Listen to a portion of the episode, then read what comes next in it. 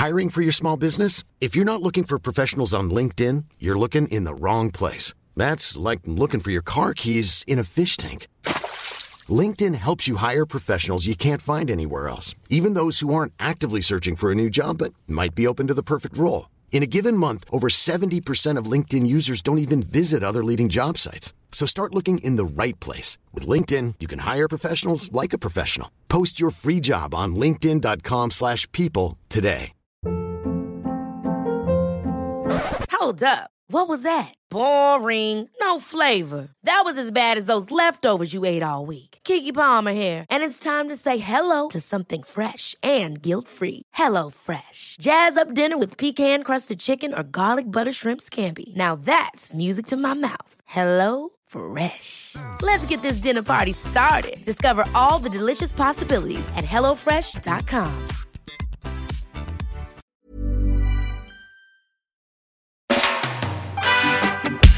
välkommen till Event om katastrofen.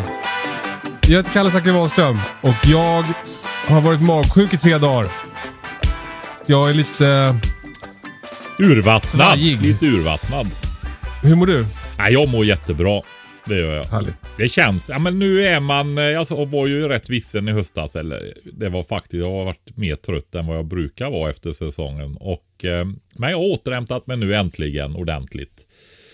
Så Skönt. att nu, eh, ja det känns eh, jättebra. Jag, jag kan ju säga så här också, jag kommer ju, har ju Ah, jag och Ingmar hade ett jättefint, eh, min hustru hade ett jättefint jullov. Hon är ju lärare så hon har ju jullov. Så Ja. det var ju lite semester där då. Och då har vi ju börjat komma ikapp med huset och fått ordning på gymmet. Och nu började vi ju träna och styra upp kosten här eh, mer.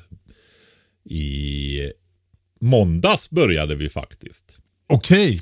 Ny vecka, ny ditt liv. Ja, men precis. Ja, men det behöver göra så. Jag behöver ju ha struktur där, för annars så- för det går liksom inte på att göra på en höft, utan eh, det man får fokusera på det helt enkelt. Mm. Mm. Så eh, ja, väldigt, väldigt, väldigt skönt att vara igång med båda delarna. Och jag kan säga att så här är det. Jag fi- fick ju högt blodtryck för fyra, fem somrar sedan när jag hade alldeles för roligt. Mm. Eh, riktigt högt. Jag fick ju medicinera. Det var, gick inte att... Nej, det kan säga det var så högt så det var provtryckning av systemet på allvar. Eh, bara genom den... Eh, eh, och det, det jag gör är ju intermittent fasta också. Sex, 16, 8. Äter under 8 timmar så att kroppen får vila 16 timmar per dygn.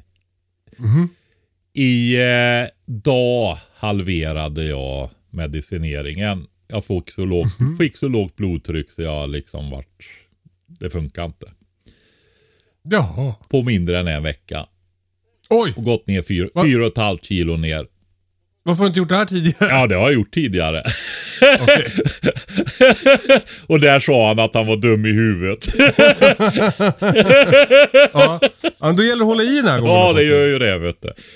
Det, gör ju, det gör ju det. Så är det. Vad härligt att du känner dig stark. Ja, och starkt är ju det där med tillförsikt och känna att man är på väg åt rätt håll och sådär. Så det är jättebra. Ja, härligt. Och sen har jag ju, det får jag börja med att säga här också. Eh, vi spelar ju in detta på tisdag nu. Mm. Och det läggs ut på onsdag morgon. Så när lyssnarna hör det här så har jag ju den där föreläsningen om Just det. beredskap i Det är Elofsrud. Precis, så när ni hör det så är det ju ikväll. Och eh, det eh, är 18.30 i kapellet i Elofsrud. Det har varit en del frågor var det ligger någonstans. Och eh, Elofsruds by ligger ju eh, nere längst till söder i Sunne efter 45an. Så eh, från Karlstadhållet sett så åker man igenom Elofsrud norrut och eh, då kommer, har man en skylt backa. En gul skylt med backa till vänster. Och eh, 100 meter efter det så ligger kapellet med en parkeringsplats på vänster sida. Från Karlstadhållet sett då. Taget. Kul att få vara med. Alltså, det, det är ju en generationsfråga där om man, gör, om man ger vägbeskrivningar eller inte. Ja, om man använder, ja. Alltså jag har ju gått över till det här och ta en riktning i, eh, när man kommer och säga vänster och höger. För att säga att det ligger norr om Elofsrud. Ja det gjorde jag i och för sig va, ovanför då. Eh, Ja, ja jag tänkte mer att, att man brukar lita på Google Maps. Om man är. Ja, ja, ja, ja, ja, du menar så. Ja. Eh, ja, annars hade jag sagt väster om vägen. Norr om Elofsrud, väster om vägen. För då re- gäller ju det oavsett från vilket håll man kommer. Så det är ju mycket bättre. Men alltså, det är jättemånga som inte har koll på väderstreck och kompasser och sånt längre. Dags att lära sig det nu. Ja, det är det verkligen. Ja, men det är en, en sån eh, beredskapsgrej faktiskt. Om inte GPS-systemen fungerar, mobilen urladdad och så vidare. Du, jag läste en grej på Twitter ap- apropå det. Att eh, Sverige hade som ett, e en, ett eget rutnätssystem under kalla kriget. Ja, men Riks... det finns ju kvar fortfarande. Ja, vad heter det då? Eh, det heter... Eh, Riksnätet eller något sånt där. ah, måste... Nu ska jag googla för en grej. Ja. de kör precis. Ja, men det är ett riksnät. Eh, rikets nät. Ja, riksnät. Ja, jag vet, kommer faktiskt inte ihop. Men eh, 50 000-kartorna kör väl med det fortfarande om inte det har varit någon uppdatering. Decennierna går ju så fort nu för tiden. Ja. ja. eh, nej, men då var det någon som skrev så här att, eh, att liksom, eh, försvaret använde det där nätet, men det var några förråd som ändå skulle ligga efter det internationella rutnätet. Ja, rikets nät tror jag man kallar det i alla fall. Ja. Rikets nät. Ja, Mm. Nej, men det är de där kilometerrutorna du vet på 50 000 delskartorna. Ja. Ja, Flygande start på podden. ja precis. Men du Kalle, magsjuka nu. Är det stressigt? Du ska ju åka till Ukraina här om några dagar. Vad, eh, hur känns det? Ja, men alltså... Eh, eh, nej, men jag har liksom inte hunnit bli stressad för Ukraina riktigt än. Jag har så mycket annat. alltså, det är liksom att... Jag, or, jag har ordnat... Ja, Jag, jag, jag vet inte riktigt hur jag har ordnat det för mig, men jag, liksom, jag ska åka till Ukraina snart. Och ja, nu håller jag på att tömma vårt radhus. Vi ska, nu har vi flyttat ut ur det och sen så gör vi... Ja, det är så, jag har så mycket. Ja, det är så mycket. Och så ligger jag sängliggande i tre dagar. Jag har liksom inte ens hunnit fundera över den där resan ännu. nej okej. Ja, du hinner med att podda i alla fall. Det är bra Kalle. Ja, jag tror liksom att det är... Ett, att jag har liksom en lite dysfunktionell stil som gör att det känns som att det är så här mycket hela tiden. Så här mycket kan det inte vara. Jag tror också att det är brist på struktur. Eftersom Ja. ingen dag är den andra lik. Det är ju, blir ju lätt rörigt alltså. Ja, precis. Men det gäller, jag tror att det kan vara bra att ha en underliggande lite dagsstruktur om man har det så. Om man kan greja det. Men det har du väl i och för sig, för det brukar det bli med dagis och sådana där grejer. Ja, men lite har jag väl det. Men, Ja. men eh, det är ju däremellan som det är mycket som ska hinnas med. Ja, precis. Men du, då, jag måste bara fråga. Har du hunnit med och så januarifröna än då? Svar nej. Nej, inte jag heller. Men jag har ju inte bråttom för jag ska ju köra fönsterbänks i Söderfönsterna i år då. Just det. Den gamla hedliga metoden utan massa hyllor och lysrör och lampor och grejer. Ja, ja alltså, eh, eh, göra lite på ett hipstersätt nu för tiden. Alltså göra som jag gjorde förr i tiden. Är det hipster det? Alltså hipster är ju att, att göra som förr i tiden, tror jag. Men jag, jag vet inte riktigt. Nej, jag vet inte. Nej. Ja, Jag, jag kommer köra på vanligt sätt tror jag. Men jag, jag, nu hittar jag inte mina chilifröer. De var bortstädade. Men du har väl fått en fröbox va? Vi skulle ju ha varsin fröbox Ja! du. Så där har du ju de som jag valde ut. Väldigt Cyklon. högproduktiv paprika och eh, eh, cyklon den här. Eh, alltså, och jag tycker den var. Alltså kan man ha en chili och vill ha hög produktion. Då är den super alltså. Perfekt kul. torka, fermentera. Ja, allting. Den Ja, är... skoj. och även Ja, den ska jag färs-. Ja, gör det. Och även... eh, Oj, nu tappar jag namnet på de här. Eh, uh, Dolce.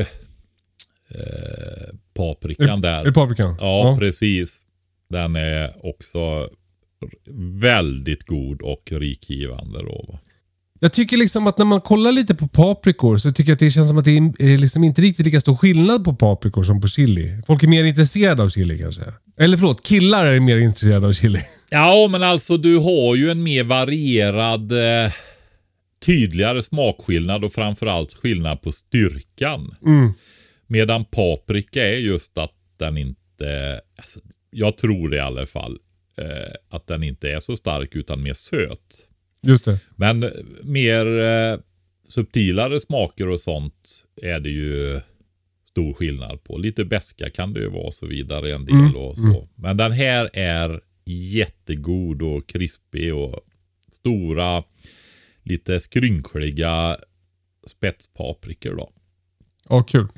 Ja, det ska bli jättekul att så. Den här cyklonen är jag, supernyfiken på. Jag, jag, jag vill så några grejer till som är...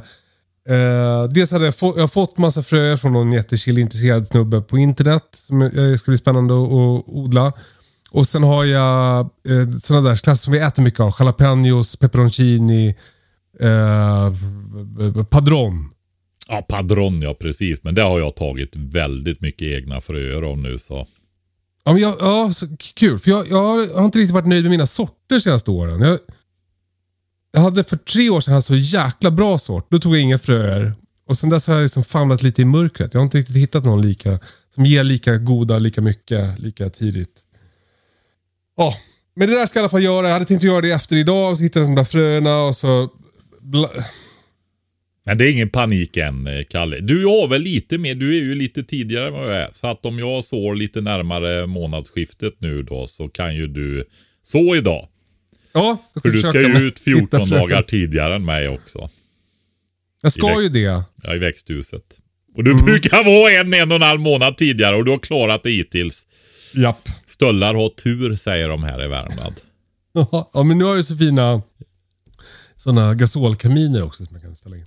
Ja, ja, precis. Ja, sen har, ja, men du har väl värmepump i garaget med om du har el så läcker ju det ut dit. Väggen värms ju upp och sånt där. Du, apropå el Patrik. Hur går ditt stora elspararexperiment? Ja, nu har det ju lugnat sig lite med temperaturer och sånt där. Det var ju som kallast där i, började i november eller? Eh, mina trädgårdsmöbler hann aldrig in så liksom det bara kom.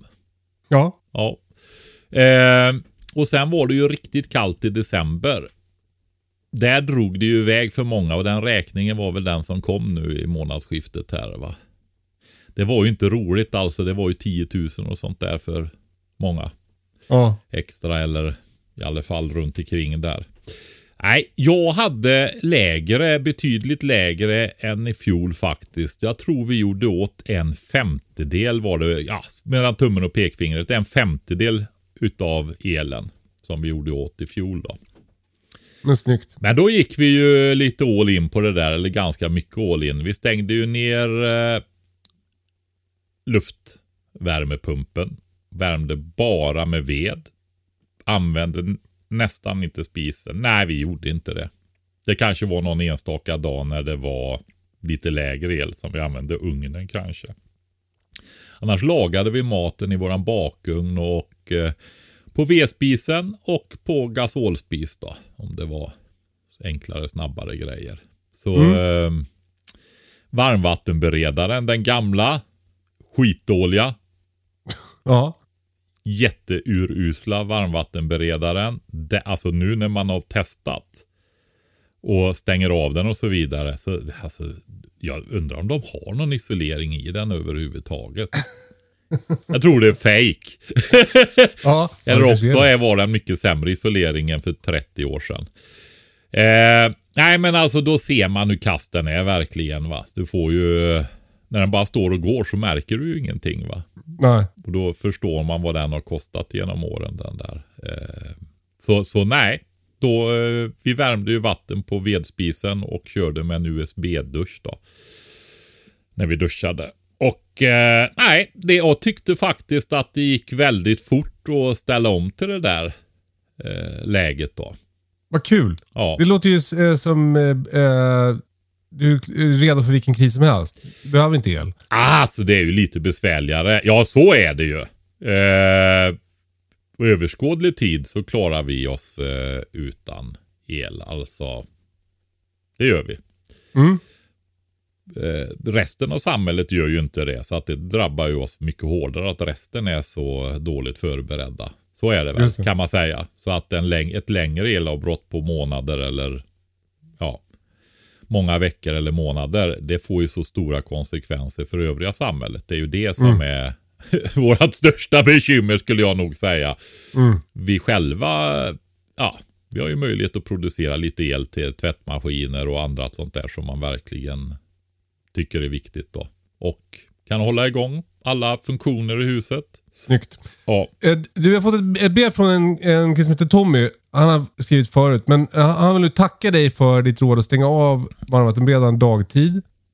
Han har kört med en enkel braskamin, fullt blås med värme och vatten nattetid när elen var billig. Och ja, faktiskt luft, luft vid pumpen via elverket två, tre kvällar när det var som dyrast. Så landade vi på en decemberräkning som är 385 kronor dyrare än förra året. Har flera vänner som får betala över 10 000 extra för samma period. Blir en slant blå, blågula bilen skriver Tommy, så det var ju kul. Ja, ja Eh. men du, det, det var bra. Eh, för det, just det här med Ukraina, det går ju att skänka pengar till det fortfarande vad jag förstår. Ja, ja, ja, för tusan. Det alltså, går- Pengarna kommer ju gå till... Vi kommer ju köpa grejer för alla pengar som blir över. Och kommer det in pengar efter att vi har åkt, då, då går pengarna till blågula bilen som ju jobbar hela tiden med det här. Med samma grej ja, det är det att du, du gör ett samarbete med dem, eller vi gör ett samarbete med dem då. Exakt. Mm, bra. Eh, då gör jag så här att jag lägger ut på Instagram och småbruk och du kan väl lägga ut på dina konton igen då så att det här eh, eh, swishnumret och det kommer upp där va. Ja, det blir Fall, fall inte alla som vill ha gjort det. Jag misstänker att det finns en och annan som vill vara med kvar. Kan tänka mig det. Mm. Eh, just det. Vi har ju fått en ljudfråga. Ska vi se. Ska vi lyssna på den? Vänta. Hej Kalle och Patrik. Eh, först vill jag tacka så jättemycket för en bra podd. Eh, men jag måste säga att jag står här besviken och är, det är säkert fler med mig. Vi är nog många som hade väntat på det där svaret som skulle komma efter jul. Men ingenting. Helt knäpptyst. Hur gick det egentligen med långkålen Patrik? Ja, vad i helvete Patrik? Ja, Vad hände med långkålen? alltså rent generellt sett så är vi ganska kass på att komma tillbaka med det där vi säger att vi ska ta upp sen. Alltså vi, är väl, eh, vi ska säga att vi är eh, två av de sämsta människorna i världen på det, som har en podcast ihop. Att Det blir som det tillhör den kategorin i alla fall. Mm. Jag tror det finns de som är sämre. Vi skulle behöva ha med min fru här som höll lite ordning tror jag. Ja, det tror jag också. Ja, Alltså vi, vi är båda bra på det som är precis framför ögonen på oss. Inte så bra på det som är i periferin, så att säga. ja. Eh, ah, jag, jag vet inte. Eh, jag är bra på vissa grejer och dålig på andra grejer. Hur blev långkålen? Säg nu då. Varför, varför vilar du på hanen? Alltså, så här är det. Den blev jättebra. Är det sant? Ja, det blev den. Den blev riktigt bra. Men jag tror jag gick ut och... Alltså vi hade lite bråttom. Vi skulle ju iväg och jag gör ju den innan på julafton. Och vi skulle iväg till våran dotter så det var lite stressigt där. Så jag var ute och gav djuren. Och då hällde ju min hustru i lite för mycket grädde. Så den vart Den- lite den lös alltså. Men det beror ju inte på att den var konserverad. Utan Ja, men hon har i och för sig ätit långkål hela sitt vuxna liv nästan. För vi, Mm. sen hon träffade mig när hon var 25 då. Men hon är ju från Norrbotten så hon är bättre på palt och sånt där alltså. Just det. Ja, så det, den vart lite, jag tycker den ska vara lite torrare. Men rent sett hur den gick att använda till att göra långkål så var den perfekt. Eh, och alltså, vi har ju tagit, jag har ju sagt det förut alltså att vi, det blir ju lite sådana här grejer eh, varje år. Eh, fast man har hållit på sedan man var åtta år, var snart 50 år. Som är, alltså det dyker ju upp nya sådana här. Tusan var bra. Eh, och det här var verkligen en sån grej. Eh, det jag vill säga dock, det är ju det här att om man... Eh, alltså allt vi har prövat den till när det gäller lagade rätter eh, har den varit perfekt. Och till tillagade rätter så värms den ju ändå upp. Mm. För nackdelen med att konservera den, för det bör man ju göra i tryckkokare om man inte ska ha vansinniga koktider. Va? I och med att det inte är surt. Det är ju samma som kött och sånt. va. Eh, så fördärvar man ju mycket.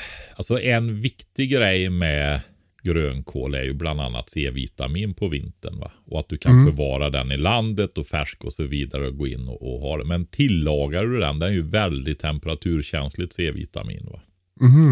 Och tryckkokar du den då, då sabbar du det. Men det har mycket mineraler och andra bra grejer i grönkål också. Så till soppor, pajer, långkål, andra rätter. Jag hade den i, nu kommer jag inte ihåg vad det heter. Det, det, är, det, det är liksom min hustru som ska komma ihåg det där med maträtter. Nej men jag gjorde en eh, eh, kött, stora köttbullar i tomatsås och det skulle vara spenat i egentligen. Men jag har ingen färsk spenat nu då. Så då tog jag lite konserverad grönkål istället och det var super ändå. När jag sen gjorde eh, kokade i tomatsås då.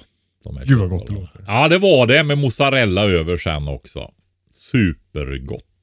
Men vad härligt. Då vet vi det om grönkål. Det Mm. funkar även, alltså konserverad grönkål funkar till långkål. Jajamensan. En fråga bara om när du konserverar grönkålen. Hur, hur, möl, hur mycket mölar du ner i varje burk? För det känns som att det sjunker ihop ganska mycket. Ja men alltså min hustru hon älskar ju att vara ute och hålla på med mat. Och gärna med ved. Alltså Ja. öppen eld då. Men vi har ju även en, eh, en vedeldad stor gryta. Rörspis. Vad var det den kallades borta hos er nu igen? Var det rörspis eller nej det var något annat ni sa om de här. Pannmur. Pannmur var det ja. Eh, ja, pannmur är det nog bättre än rörspis. Rörspis är något annat. Det där som en kakelugn. Ja, precis. Det var jag som sa fel där. Eh, men i alla fall, det är en 60-litare. Så hon... Eh, det, vi hade ju jättemycket grönkål. Så det var ju bara att ge upp och lägga den i frysen med 100 kilo kalkonkött. När den redan var full nästan frysen. Och eh, hon tvättade detta i stora kar ute och sköljde dem. Rensade mycket, rev av ifrån den stora bladnerven. Förvällde dem i den här stora 60 liters just för att den skulle packas ihop då va. Ja, ja, ja. Och sen eh, utan att ha allt för mycket vatten. Därför att när du har vatten, eh, kokar i vatten, så är det ju så att vattenlösliga ämnen går ut i vattnet. Vattenlösliga vitaminer och så vidare. Va? Så att det gäller att använda så lite som möjligt egentligen utav det där då. Men hon fick ihop det och sen packade vi det helt enkelt i burkarna. Så det blev Ja, det har inte packat ihop sig någonting mer efter det. Men snyggt. Så det var processen då. Bra jobbat och eh, tack för att ni håller koll på att vi följer upp grejer som vi säger att vi ska följa upp. Mm, vi kan delegera det till lyssnarna tycker jag. Ja, verkligen. Ja. Eh, ja, alla andra grejer. Hör av er och berätta.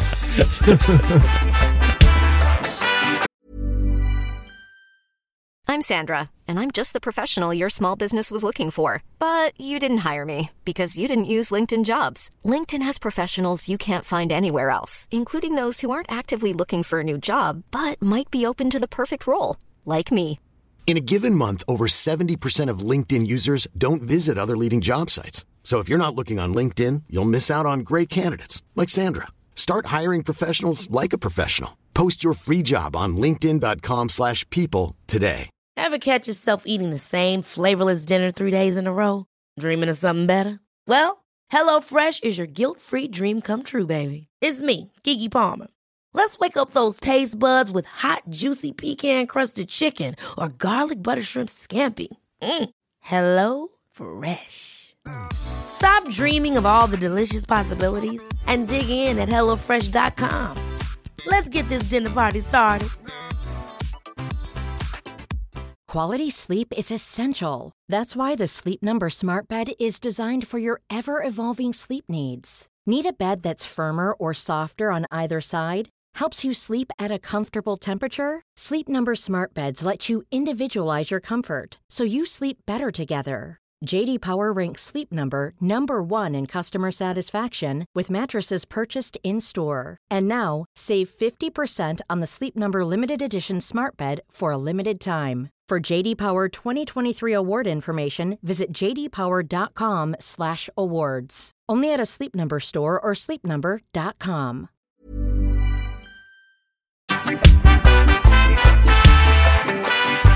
Eh, Patrik, Ja. vi har fått en fråga från Lars. Ja. Eh, det är en ganska lång fråga, men eh, den handlar om transport. Mm. Vi pratar ju ofta om det här med hemskt vis. Det är ju vår minnesramsa för att komma ihåg de olika områden som man behöver ha koll på när det gäller sin hemberedskap. Och, eh, Ja, ett- på alla nivåer där alltså. Allt Exakt. ifrån eh, hemgångsväska till eh, självhushållning, Ja. mega, livet ut, beredskap va. Eh, och ett av tena i hemskt vis, alltså det är en förkortning då, det, det är ju transport. Mm. Och det där undrar Lars lite över. Eh, han tycker att det är bekvämt att köra bil, men det kanske inte funkar riktigt efter, i, i händelse av en långvarig kris. Att det kanske inte går att få tag på drivmedel och så vidare. Ja, reservdelar och vad som helst va. Det märker du redan nu att det är svårt. Eh, prata med verkstaden här att han hade några bilar stående som han fick inte fram reservdelar till dem. Så det är redan ett eh, problem i vissa sammanhang då, vad jag förstår. Men då undrar Lars över det här med cykel. Mm. Eh, det är ju bra, Ja, eh, men eh, det är ju problem om det till exempel är mycket snö. mm. Man har också sämre lastmöjligheter. ja, Och det här med reservdelar kan ju också gälla cykel. Absolut. Ja, eh, exakt. Han är ju mer specificerad på cykel, men jag vill ändå eh, bredda lite där inledningsvis så kan vi gå över mer på cykel sen igen. Vi har ju pratat lite om detta i tidigare avsnitt då, men eh, vi kan repetera lite och bredda lite kanske. Men alltså, T är i hemskt vis då, transport. Alltså hur ska man förflytta sig? Jag brukar ju säga att egentligen börjar det med på ett rejäla skor eller kängor va. Alltså om Just du det. tänker dig, tänk om jag måste gå hem ifrån min arbetsplats. Då Då- behöver man bra på fötterna. Ja, alltså de där moderna tygskorna liksom som eh, och så är det slask eller ösregn eller och så va. Och du kanske har en rejäl väg hem eller kanske till och med måste ta omvägar för broar är raserade. Ja, du vet, vad som helst. Jag menar, är verkligheten där så får du lösa uppgiften va. Så att eh, transport börjar egentligen med bra skor. Ja. Så är det. Och bra skor där du är är väl också en nyckel. Ja, men precis. Och eh, årstid och så vidare. Men om du ska ha de där rejälare skorna så funkar de ju både vår, sommar, höst och vinter skulle jag säga. Va? Jag menar framförallt att man har dem med sig. Så att det inte är bara att man har ett par kängor hemma. Utan Ja, ja, du tänkte så ja. Precis. Ja, självklart är det så. Självklart är det så. Och så det, att om du till exempel har, kan ha ett par bra skor i bilen som backup. Är Mm. ett bra trick. Ja. Man kan ju vara så där att när man byter så kanske de där gamla som är, ah, man vill ha nya, fräscha, men de är inte helt slut de gamla. Då kan ju de vara en sko någonstans i bilen eller på arbetsplatsen eller någonting sånt där. Va? Ja men smart. Men sen tänker jag innan vi går över på cykel så eh, det finns ju dubbdäck till cykel. Ja. Men det kräver ju någonstans fortfarande, om det ska vara realistiskt, att det är snöröjt va. Det är ju mer mot halka på plogade vägar som de funkar de däcken. Och är det så att man är ett nödläge och det är snö så är det ju rätt hög sannolikhet att det inte är plogat. Så cyk- Stämmer. cykeln faller där alltså. Och sparken också. Ja, det gör det. Ja. Eh, då är det alltså skidorna kvar. Jaha. Ja, och eh, ofta så tänker man ju på stan. Många som lyssnar bor i stan och så vidare. Va? Men framförallt på landsbygden. Här där jag bor.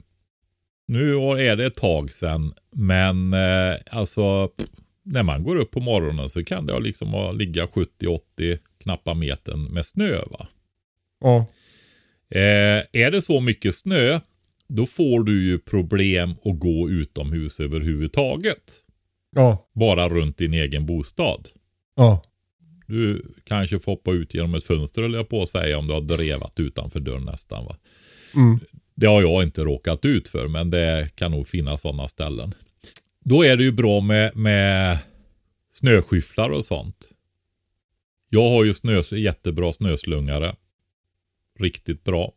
Ja. Eh, men sen har jag givetvis bra snöskyfflar och sådana saker när den går sönder.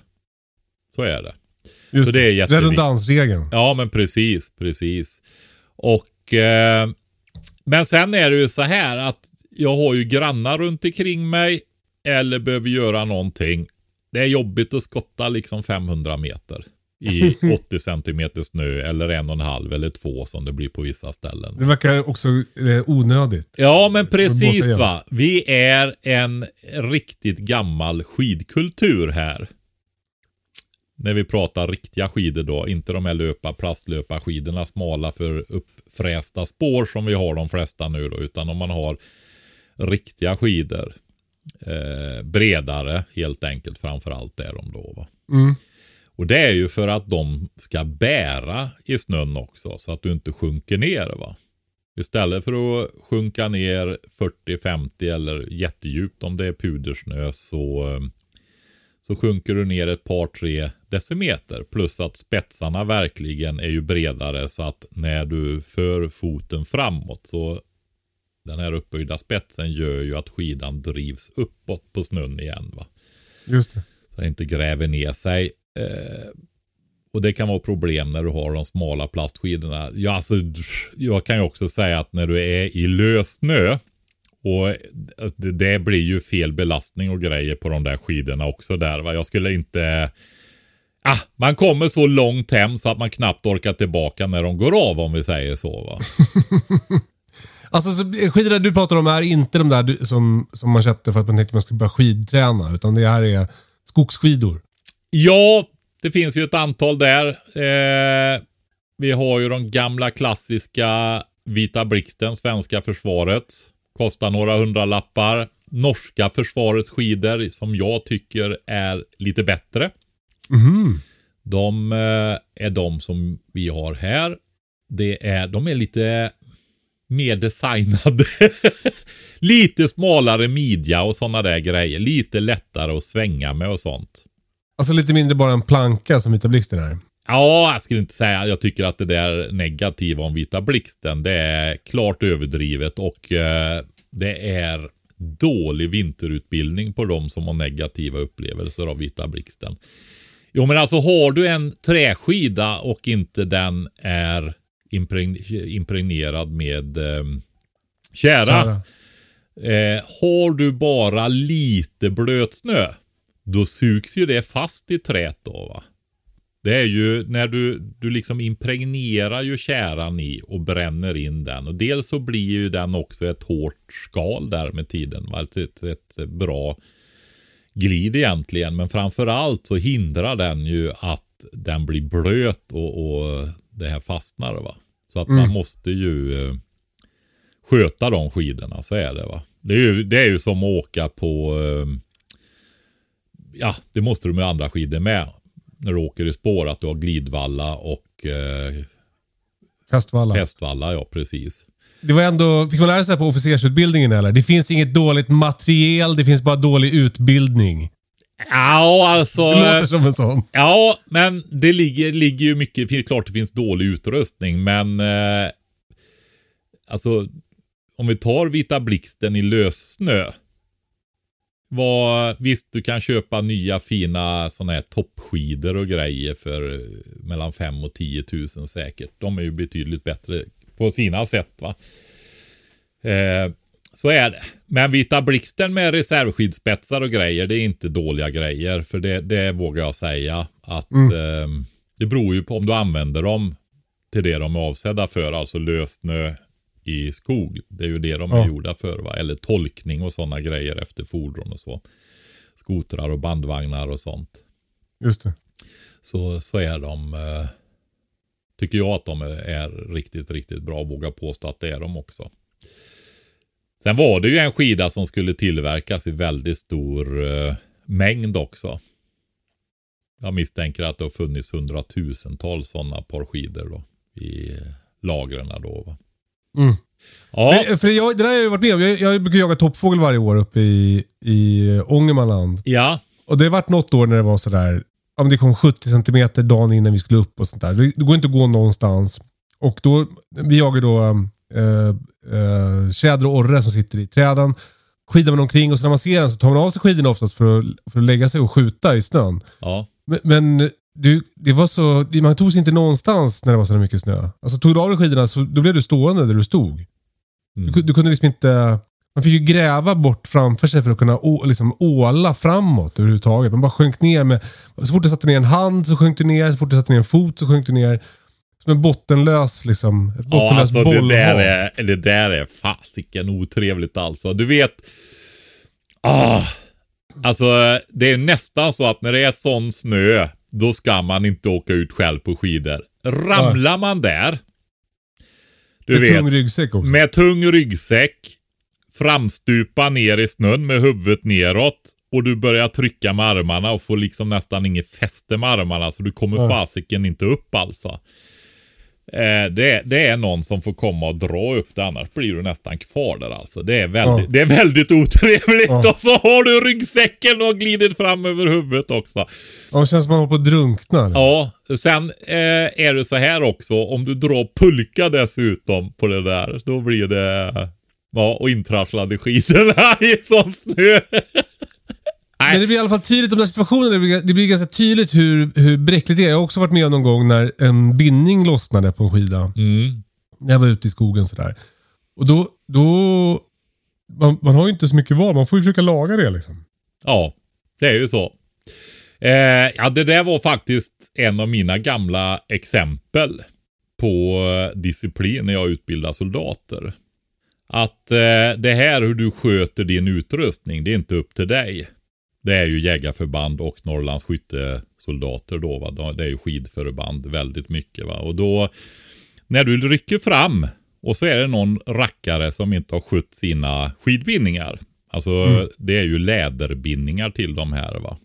Just det. Och de måste ju smörjas in och, och skötas och sådana där grejer. Så att, ja, det kan vara gamla grejer, lite torkat läder och sånt så att det verkligen kollas och sköts. När din grupp rycker fram för att ta en stridsställning i den här djupa snön så går din skidbindning sönder för du inte har skött den. Ska de bara lämna dig där ensam? De tappar dig och så vidare va. Mm. Det är bara att sköta allting. Och det är liksom inte, det är jätteviktigt att sköta varje detalj. Till och med höger, de är ju delade i två de där va. Det är ju krokar på dem och så läder och så sitter de ihop med en sån här spänne bakom hälen då. Eh, höger bindning där, den måste skötas den med. Precis som din brännare till ditt kök. Så att den verkligen fungerar när du ska laga mat Mm. i det här skitjobbiga scenariot där du behöver energi och värme från varm mat så att du orkar med. Så du inte brister när dina kamraters liv hänger på dig. Alltså det, det, det, blir, det, det låter ju dramatiskt när du tar ett krigsförband på det. Men det där gäller ju även i andra utsatta, utsatta situationer. Och jag vill betona det där när det är besvärliga lägen, att det gäller att ha ordning på grejerna va? och veta hur man sköter det och sånt så man inte råkar illa ut. Alltså tänk dig det där jag sa där, du har 80-100 centimeter snö. Det på östkusten med snökanoner så händer ju det också ibland va. Eh, du åker iväg och ska göra ett ärende på dina skidor. När du är precis, precis mitt emellan, det räcker ju med några hundra meter. Du, du, är du lite äldre eller någonting, inte i full kondition, alltså och ta dig fram de där hundratals metrarna eller till och med någon kilometer alltså. Det kan vara riktigt illa va. Mm. Så ehm, ja, så är det. Men, men den stora delen av året, i alla, fall, så i alla fall här jag bor, så är det ju barmark. Mm. Och då är ju cykeln ett, ett bra alternativ. Ja, alltså det där är ju en sån där banbrytande välståndsgrej när folk hade, fick råd att köpa cyklar. Alltså, eh, Är det du som brukar säga det där att inavlingen gick ner i Sverige när cykeln uppfanns? nej. Eh, det, Det har jag har läst någonstans eller hört någonstans. Ja, ja men folk har alltid rört på sig och så vidare. Så eh, det, jag vet, det, det är nog väldigt få platser där det har varit stora sådana problem. Men jag vet inte. Jag tror att det är mycket myter runt omkring det där. Nej, men Säkert. däremot så var det ju så här att folk kunde ju arbeta på längre avstånd. Mm. Alltså, går du en vältränad, och det räknar vi med att folk var då, va? Ja, men du kanske går 6 kilometer i timmen. Men hur långt cyklar du på en timme? I alla fall tre gånger så mycket, va? Mm. Så eh, det gör ju att om du tittar på en yta då, om det här är en radie, om du har en boplats och ska flytta det ut, va, så ökar ju ytan på där du kan arbeta jättemycket. va. Mm. För det blir ju mycket bredare ju cirkeln runt omkring där då när du tar ut avståndet. Det är ju kvadraten så det ökar ju exponentiellt. Va? Alltså inte linjärt utan mycket snabbare än linjärt. Va? Så det hade jättestor betydelse och så har det ju varit i utvecklingsländer också. Jag har ju hört, eh, jag tror det är från Vietnam när folk fick cyklar och sånt där. Det är ju ett antal decennier sedan då. Va? Eh, Och det, det är välståndshöjande jättemycket. Och tänk dig själv. Eh, alltså det är ju, cykel är ju en sån där. Ja, den är nästan magisk. Därför att den gör ju att med samma energi. Alltså din omsatta kroppsenergi så kommer du oerhört mycket längre. Mm. Utan el eller olja eller någonting utan med samma mängd vete eller eh, mat överhuvudtaget så kommer du mycket längre. Så den Mm. är ju fantastisk cykeln. Det är en av de riktiga toppuppfinningarna alltså. Så är det. Och eh, tänk dig ett utsatt läge då, tillgång till en cykel. Så att eh, jag kan säga, jag har, eh, vi har en hel del robusta cyklar och sånt. Och jag tittar efter ja, de där aktionerna jag brukar nämna. Jag höll på att köpa på mig ett litet lager ifrån en, en nedlagd eh, cykelverkstad. Men återigen så missade jag det där med att tiden höll på att gå ut. Va? På tal om det så har jag satt ett larm här idag efter det här som jag inte ska glömma. Av samma anledning. Vad- du, du tänkte köpa på dig en massa olika slangar och... Ja, men alltså kunna hålla igång cyklar i riktigt besvärliga scenarion, alltså längre. Det räcker ju med att det är ekonomisk katastrof och så vidare. Va? Alltså kolla- ekonomiska kollapser och sånt där så blir ju cykeln jätte... Men det, och det är det där, termodynamikens andra lag, allt går sönder va? och nöts ner. Kedjor, drev, vajrar, bromsvajrar, bromsbelägg. Ja, det, eh, det går sönder. va. Så att, Ja. eh, och framförallt däck. Ekrar, men framförallt däck och slang då. Eh, är ju jätteviktigt att ha i reserv. va. Ja. Och oljor och kunna sköta och smörja och underhålla sina fordon och maskiner och sådana grejer då. Så man kan Det där är upprätthålla det, det där liksom, eh, för mig, min, min hjärna, den har lätt att ta till sig så här. Det är bra att ha som massa pasta i en låda någonstans. Mm. Det, det kan jag liksom se till. Men däremot det där som, som, som är nästa level, som är ha beredskap av luftfilter till olika grejer och oljor och sånt där. Det, det här, det, där går jag liksom bet. Mm. Ja men Och jag alltså. tror att det, det hänger väl ihop, alltså, det, om jag ska liksom eh, gissa så tänker jag att det hänger ihop med att jag är uppväxt, alla fall större, större delen av min uppväxt har ju varit under den tiden när allt har gått att köpa väldigt billigt. Ja men Alltså, det, liksom inte- det är ju det varit- där. Det är ju det där som jag brukar ta de där två paradoxerna där den ena är det här. Och det gäller ju just mat för det är så konkret va. Och det gäller ju egentligen allt. det är så tillgängligt. Men maten är tydligast då historiskt. Va? Just det här att ja, men, du kan ju gå och köpa grejer från hela världen i vilken butik som helst. Går du in på en Maxi eller Supermarket eller större Konsumbutik så Ja men de ligger ju där. Papajor, ananas, allt, tomater mm. året runt, grejer överallt. Och det finns ett överflöd. Och de allra enklaste och, och fattigaste människorna kan gå in där fast har inte pengar till allt givetvis utan får prioritera. Men det finns där hela tiden. Utbudet finns där hela tiden. Mm. Och det här lever vi med generation efter generation nu. Va? Mm. Minstone minst tre, förmodligen mer egentligen. Fast det har varit blivit värre och värre höll jag på att säga. Va? Om man ser i de här perspektiven. Men grejen är det här att det har varit sådana rationaliseringar inom jordbruk, matproduktion, förädling och sånt så att ja, men det är ju några enstaka kvarnar som mal mjölet för hela landet. Va? Ja. Eh, och jag sa ju det för några, ja det kanske rent av var förra avsnittet där när jag var föreläst i Sunne för äldre kvinnor här då. Va? Och det var ju en hel del småbrukare där också från den tiden när småbruken verkligen var en del av ekonomin och fanns. va. Eh, vi har aldrig haft så lite mat runt omkring oss om man bortser från svältår och sådana grejer då. Va? För förut fanns det ju slakterier, charkuterier, kvarnar, föreningsmejerier, matproduktion på alla gårdar runt omkring och så vidare. Det gör ju inte det längre va. Så vi har aldrig haft så lite mat runt omkring oss samtidigt så det är liksom ett stort bländverk det där va. Och eh, det gäller ju filter till motorsågen också va. Luftfilter. Tänk dig liksom när din enda sågkedjefil är helt sleten. Du kan inte fila din sågkedja till motorsågen. Det går nästan att föreställa sig. Nej, men alltså tänk dig när du står där och gnider med den och det börjar liksom glöda där nere och friktionen för att den är så slö kedjan. Men då går du och hämtar din bågsåg. Och den nyper ju fast direkt. För de flesta bågsågars blad är ju skit och det beror på att tänderna inte är skränkta, alltså varannan är lite utböjd.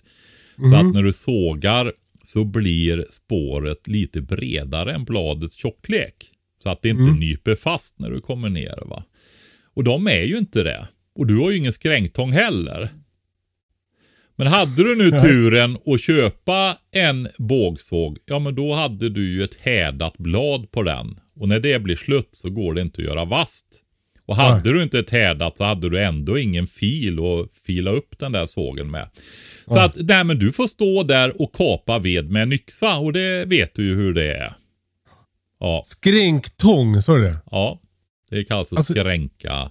Det finns ju ett speciellt program, vilka program vi har gjort Kalle, eh, om, om sågar och hur man filar sågar och grejer. Mm. Ja, det kan man ju lyssna på om man vill fördjupa sig. Jag har till glömt bort ordet skränktång, det har jag ingen. Hur ser en sån ut? Ja du, hur ser en sån ut? Det där är nog, det där får nog vara, vi får nog köra en sån här eh, YouTube-kanal där med podcasten med bild i så fall, Kalle. Ja, vad är det? Det är ju en tång. Ja, jag googlar. Det verkar vara en grej. Ja, förklara den du. I podden, du som ser den framför dig. Uh, Nej, men den ja. pressar. Du sätter på den och den greppar över bladet. Och när du klämmer då så har du satt den så att det är när du trycker ihop den så pressar ju det på tanden så att den böjs ut. Och då har du ett stopp som du har ställt in i förväg så du får exakt samma vinkel på alla tänderna. Va? Och så kör du varannan åt ena hållet och, och de andra på tillbakavägen sen. Så är det. Ja, tänk, mm. det, det var ytterligare en grej som jag inte har eller kan. Det finns mycket att lära sig. ja. Ja men precis. Men det är det här jag menar. Det, det, är, så, det, är, så, det är så svårt att tänka att jag ska eh, kunna upprätthålla... Alltså jag, jag, jag, jag, tänker liksom att ja, men då, får man, då tar man väl, eh, då tar man väl en, en, en, Man tar väl en såg man har bara. Men då kommer det bli vidrigt helt enkelt. För jag har inte rätt, eh, rätt såg. När det gäller eh, verktyg så Alltså du behöver ju kunna underhålla dem va. Eh, så är det. Eh, och tar man det riktigt långsiktiga perspektivet så är det ju handverktyg som går att underhålla, alltså hålla vassa.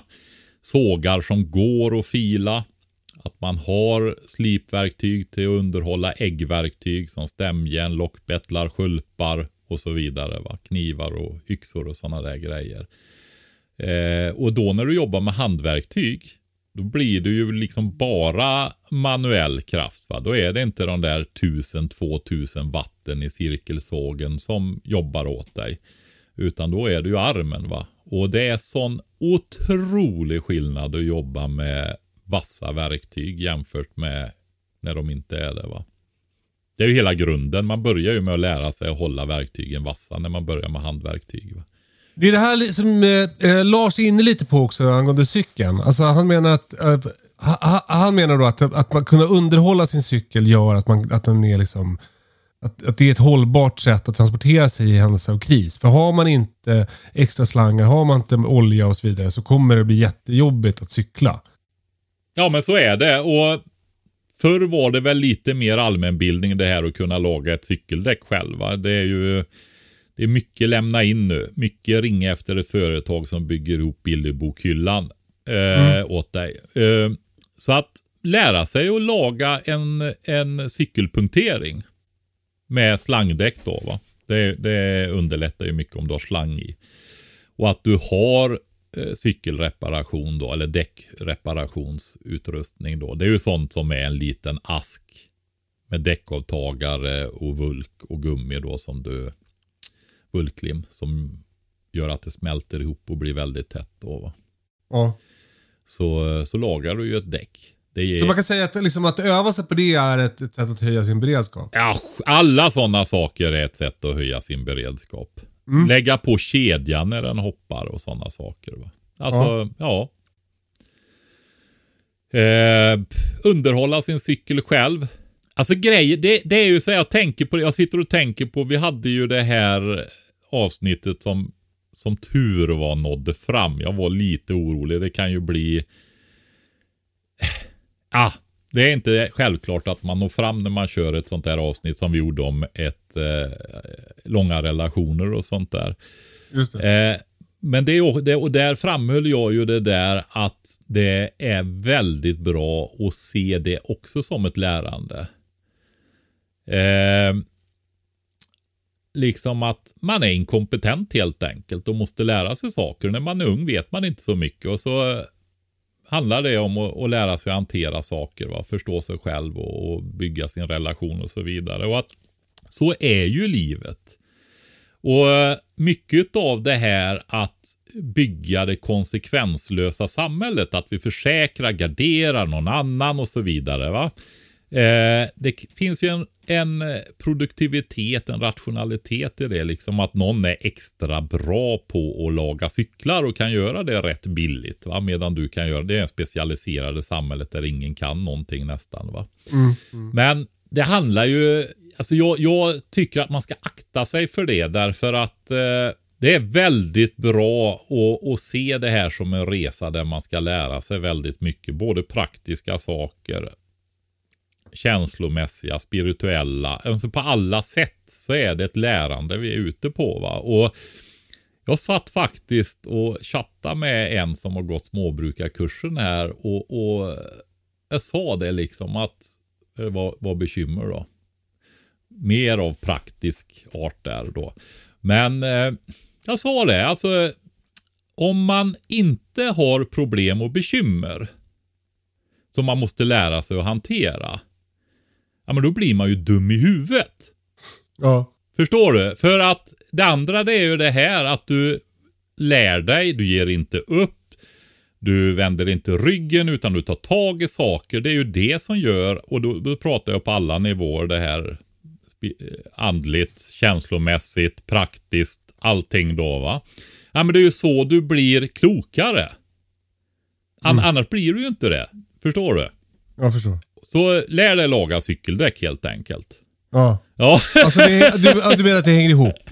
ja, det gör ju det. Det är ju, det är ju ett förhållningssätt till livet helt enkelt. Och det, det, på något sätt är det ju också det där som vi har pratat så mycket om, tycker jag. Det var ett litet tag sedan kanske nu, men det här med vad vi också vill förmedla, det är att bli kapabla människor helt enkelt. Det konsekvenslösa samhället tyckte jag var starkt. Ja, men det är ju lite det. Vi organiserar ju det. Du vet, välfärdsstaten kliver in, händer det ena det andra så är det någon som löser det hela tiden. va. Det, eh, det sa Britta igår. Det börjar lukta lite död in hos oss. Det brukar göra det en gång om året. Det är antagligen typ en mus eller någonting som har dött i väggen. Ja, Då frågade hon, hur gör vanliga? Ringer inte de Anticimex typ då? Jag, bara, jag, jag, vet, jag vet inte. Jag vet inte för det, det, alltså, jag, jag, min taktik är ju nu bara, vä- jag väntar ut det. Jag tänker att det kommer väl sluta lukta snart. Mm. Men, men eh, hon var intresserad av att, att lösa det nu. Och då, då, då kan man ju då börja hålla på och liksom krypa in under huset eller försöka bryta upp väggen eller... ja men det är ju det. Alltså, alltså det där händer ju när man bor som vi gör. Så är det ju så. Eh, och det, det är ju någons, och speciellt om man använder gift. Jag vet inte hur det är med det nu för tiden, men det gör väl Antimesimex när det är sådana riktiga gnagarår. Va? Eh, då kan de ju, då dör de ju och då kan de ju dö inne i huset. Men det är också om du har fällor och sånt och de har liksom klivit in långt in i något förråd bland massa grejer och släpats in där och dött och sådär va. Så de luktar ju, men de luktar ju ett tag, sen torkar de ju. Och då, då får man ju liksom, ligger de i trossbotten någonstans va? Så du får bryta, riva ner köket och eh, bryta upp golvet. Ja men fan, då får man ju liksom vänta ut det va. Det är ju så. Ja, Och det spelar väl ingen roll om det är Anticimex eller ett försäkringsbolag som kommer och gör det där. Man vill ju inte ha gjort det i alla fall va. nej. Ja, exakt. Nej, så är det. Så att eh, man får väl vädra, sätta in eh, doftgrejer och sånt där eller vad man nu vill. Då. Alltså lite, eh, lite kära under näsan på alla i familjen bara. Till exempel. Kära luktar ju gott. Eh, men eh, eh, eh, Lars eh, uppmaning var i alla fall att ha, till alla att ha grejer, reservdelar till sin cykel hemma.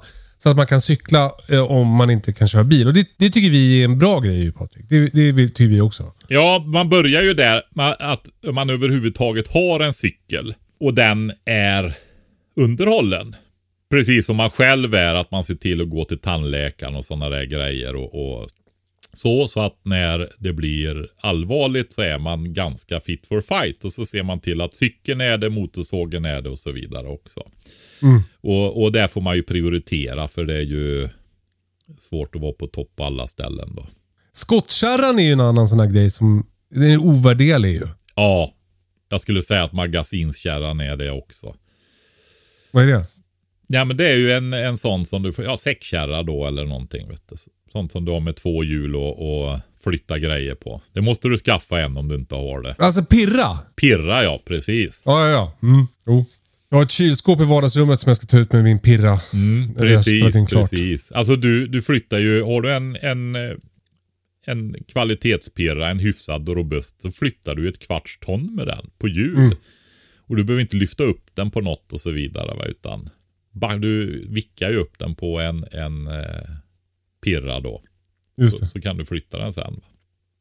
Nu måste alltså ha reservdelar till min pirra också.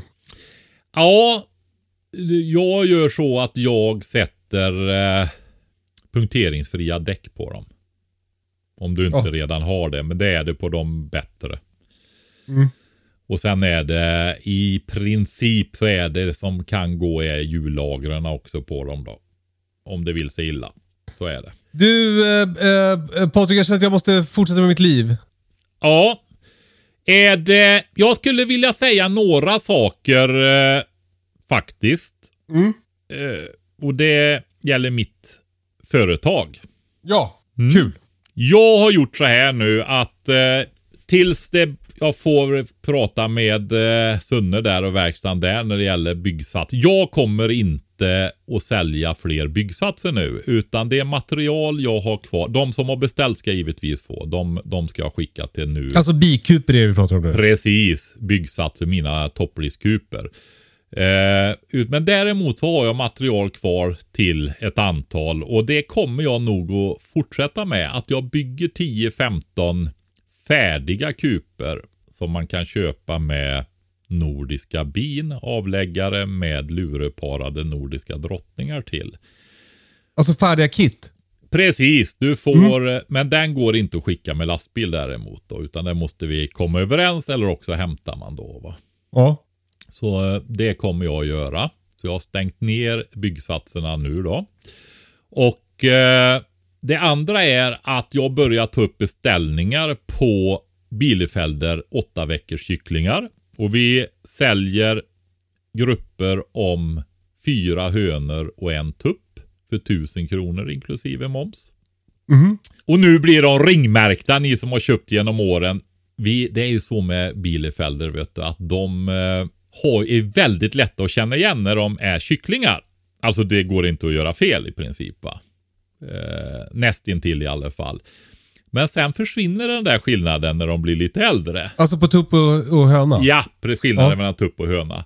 Och då har vi kört med mascara. Alltså de har en liten svart båge runt ögonen, hönorna. Och det där har vi tyckt att det stämde ju jättebra. Ja. Men det har det inte gjort. Nej. Så du vet när jag hälsade på dig sist när vi skulle laga korv där och sånt där. Då lämnade jag ju, hade jag, ja, jag var ju hos senioritorna i Sunne och hade föreläsning och då var det tre hönor som väntade ute i bilen medan jag föreläste och sen åkte jag ju med dem till, ja någonstans långt ovanför Västerås där ute i mörkret. Till ett ställe. Eh, han fick ju slakta de där tre extra tupparna han hade fått i sina två grupper då. Han hade fe- fem, fem tuppar och fem hönor hade han fått. Men var det någon av senioriterna som hade bytt ut? Nej, det var ju... eh, men nu har jag skaffat ringar så vi inte ska ställa till så mycket sådana där felleveranser. Så att alla hönor ska ringmärkas i år då. Men snyggt. Så är det. Men det går att beställa genom att skicka till patrik med ck.sellman.gmail.com. Man hittar den, eh, hittar också en e-postadress på vårat Instagramkonto. Eh, där man kan skicka på. Och då skriver man hur många grupper man vill ha av den där och vad man har för telefonnummer. Och de, eh, vi kommer att börja kläcka lite senare i år just för att vi har den i samma utrymme som vi kommer att ha tomatplantorna. För att i, i, i fjol avverkade vi det misstaget att börja tidigare så det var väldigt varmt för tomatplantorna vilket gör att de blir väldigt långa och gängliga. Ja. Så det gör vi inte om då. Även om vi kan få begå misstaget en gång till innan vi blir idioter. För att det blir man ju först efter att upprepa det tre gånger då. Så är det. Nej men det var det jag skulle säga. Så färdigbyggda Så om vill med komma igång bin. med bin eller om vill komma igång med jättebra höns, då kan man höra av sig till dig. För det har jag tänkt också. Vi, jag gick ut med den där uppmaningen i fjol. Att eh, var det så att man hade funderat på att dra igång lite grönsaksodling eller utöka den där grönsaksodlingen man hade. Skaffa de där hönorna, kaninerna, kalkonerna, gässen, fåren. Så var det i fjol man skulle göra det. Och eh, i år är nog det året där man kanske ska satsa ännu mer. Och började man inte i fjol så är det definitivt i år som man ska göra det. va. Och då vill jag koppla det lite grann till, eller ganska mycket till våran fröbox också. Som man kan köpa där vi har tagit fram, eller jag har tagit fram ett antal sorter som är bra ur beredskapsperspektiv. När det gäller kunna ta eget frö på ett enkelt vis. Att de är lagringsbara och sådana saker. Va? Någon har frågat, spenat är väl inte speciellt lagringsbar? Nej, den är ju inte det. Om man inte fryser den eller torkar den och så då. Men eh, däremot är den väldigt lätt att ta frö efter. Och då har du frö som du kan så under vintern och få väldigt vitaminrika färska blad. Så att på det sättet är spenat en, en given i det där tycker jag. För att få viktiga vitaminer på vintern då. Men den fröboxen, den är, det är ju en del utav vårat egna företag som heter Prepbox. Just det. Mm. Så där, där finns den. Ja. Det är en bra, väldigt bra start. ja. Gud vad, du- vad du eh, gör det så enkelt för folk att komma igång Patrik. Ja, jag tycker det. Det är viktigt. Paketerar. Snyggt. Och, eh, härligt. Det, är det klart då? Nu får du gå, Kalle. Stort tack för att du lyssnar. Fortsätt mejla frågor. Hej at katastrofen.se är adressen. Hej at katastrofen.se. Du får fråga vad du vill. Så Så kan, det, det kan vi nog säga att man kan göra. Allt, allt är beredskap. Du, eh, ha det bra Patrik. Vi hörs sen. Detsamma, Kalle. Puss och kram. Hej då! Hej då!